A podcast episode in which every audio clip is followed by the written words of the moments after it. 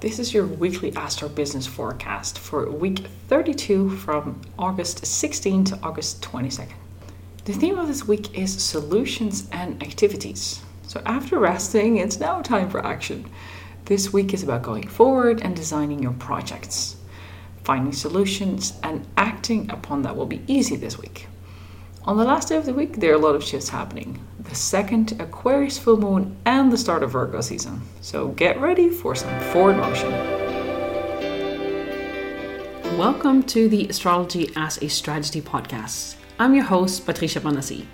I'm on a mission to help you amplify your influence so you can free up time to spend with your family while increasing your revenue. I'm an astrologer, business mentor, an adventure seeker, and a proud mama of three kids. Think of this podcast as your shortcut to more joy and ease in your business. Running a business is joyful, and when you're not having fun, you haven't cracked the code yet, but that's about to change. I share practical and short tools how to use astrology in your business and life. So let's get started on using your energy strategically to make a bigger impact, have more free time, and grow your wealth.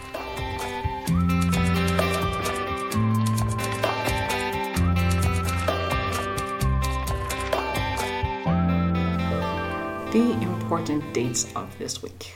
On Monday, August 16, Venus enters Libra until September 9. Libra is where Venus is at home.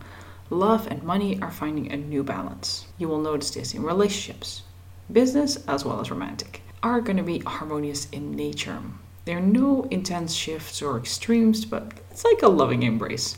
Make sure that you guard your own boundaries carefully and be mindful you speak your own mind instead of agreeing to please others. Because Venus is the ruler of Libra, it's very calm and peaceful energy. But if you feel like you are sort of drifting a little bit and it gets too soft, make sure that you insert a little bit of action into your relationships. On Wednesday, August 18, we have Mercury in Virgo conjunct Mars in Virgo action and advancing. That's what this day is about. This is where action and communication come together in a very practical way. Are you searching for a solution to a problem but haven't found one yet? Then this is the perfect day to sit down and come up with a logical solution. Because both Mercury and Mars are in Virgo, this is really about practicality, seeing the details, understanding what is needed to move forward. Mercury rules our rational thinking, it rules our mind, universal communication, whereas Mars is taking action, doing the thing. So if those two come together, we can really move mountains. On Thursday, August 19, Uranus is turning retrograde in Taurus until January 2022. Even though this planet shake things up on a social level, you will also feel this energy on a subtle level in your life. The themes of disturbance and transitions are revisited, but this time it's not really to facilitate the change, but it's to reflect. So, how did you deal with those changes? How can you deal with it in the future? And are there things you can adjust now? Like I said, this is more something that will feel on a global level. Unless you have a very strong Uranus placement or a lot of Aquarius energy, you will feel this. So, unless you have a very prominent Uranus in your chart, you won't feel this as much. That same day, we have the Sun in Leo opposing Jupiter in Aquarius, and Jupiter is in retrograde. This yearly aspect brings luck and prosperity if your ego doesn't take over completely. You need your ego to function in the world, but you don't have to be the type of leader that leads at the expense of others. Being humble will really benefit you today. Leo Sun wants to shine, wants to get all the attention, Jupiter in Aquarius cares a lot about the collective. So there's this opposition. And if you can bring these two together, you can lead in a very confident way while you're making your community better. On Friday, August 20, Mercury in Virgo trines Uranus in Taurus. Direct your energy towards finding creative solutions in an unconventional way. Remember, Uranus really loves the unconventional. Look for details and use your problem solving skills to come up with new insights. Especially in your standard processes, create structure so that everything is more streamlined and easy. Virgo loves the organization, loves to make things practical. Uranus creates new ways of looking at things and new insights. On Sunday, August 22nd, we have the second full moon in Aquarius, and this one is at 29 degrees at 8:02 a.m. Eastern Central Time and 2:02 Central European Time in the afternoon. So the second Aquarius full moon gives you an extra opportunity to embrace your unique and quirky self.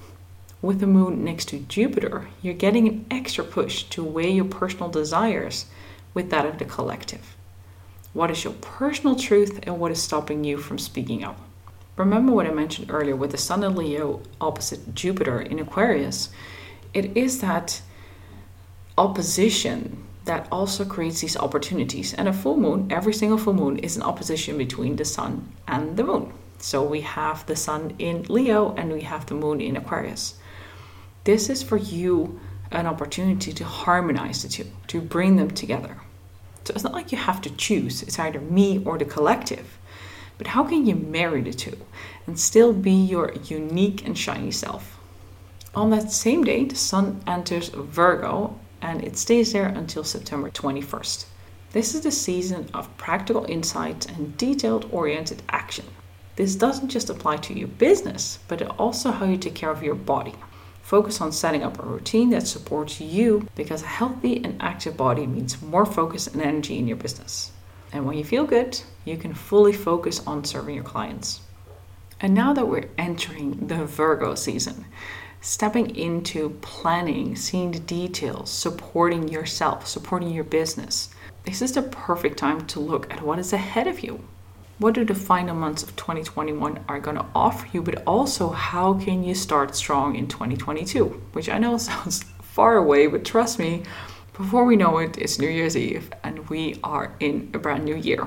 So if you want to make sure that you finish this year strong, that you have all your ducks in a row and utilize the Virgo energy to the best, you can book a call with me and we can talk about it. What does this look like for you? What do you have in place right now and what are you ready to grow towards? The easiest way to contact me is simply go to Patricia Panassi on Instagram. You can find a link in the show notes and just shoot me a DM. Just let's chat about it. What does your planning look like? What are the things that you wish you would have more clarity on? The more that you understand this, the better you can plan and the better you can move with the energy whether you have a launch planned, whether you are planning to hire a new team member. All of that is really clearly set out in your astrological chart. And if you know when that is happening, there is so much more ease and joy in your business. So if you're ready to change the way that you do business, let's chat. that was it for this week, and I will speak to you again next week.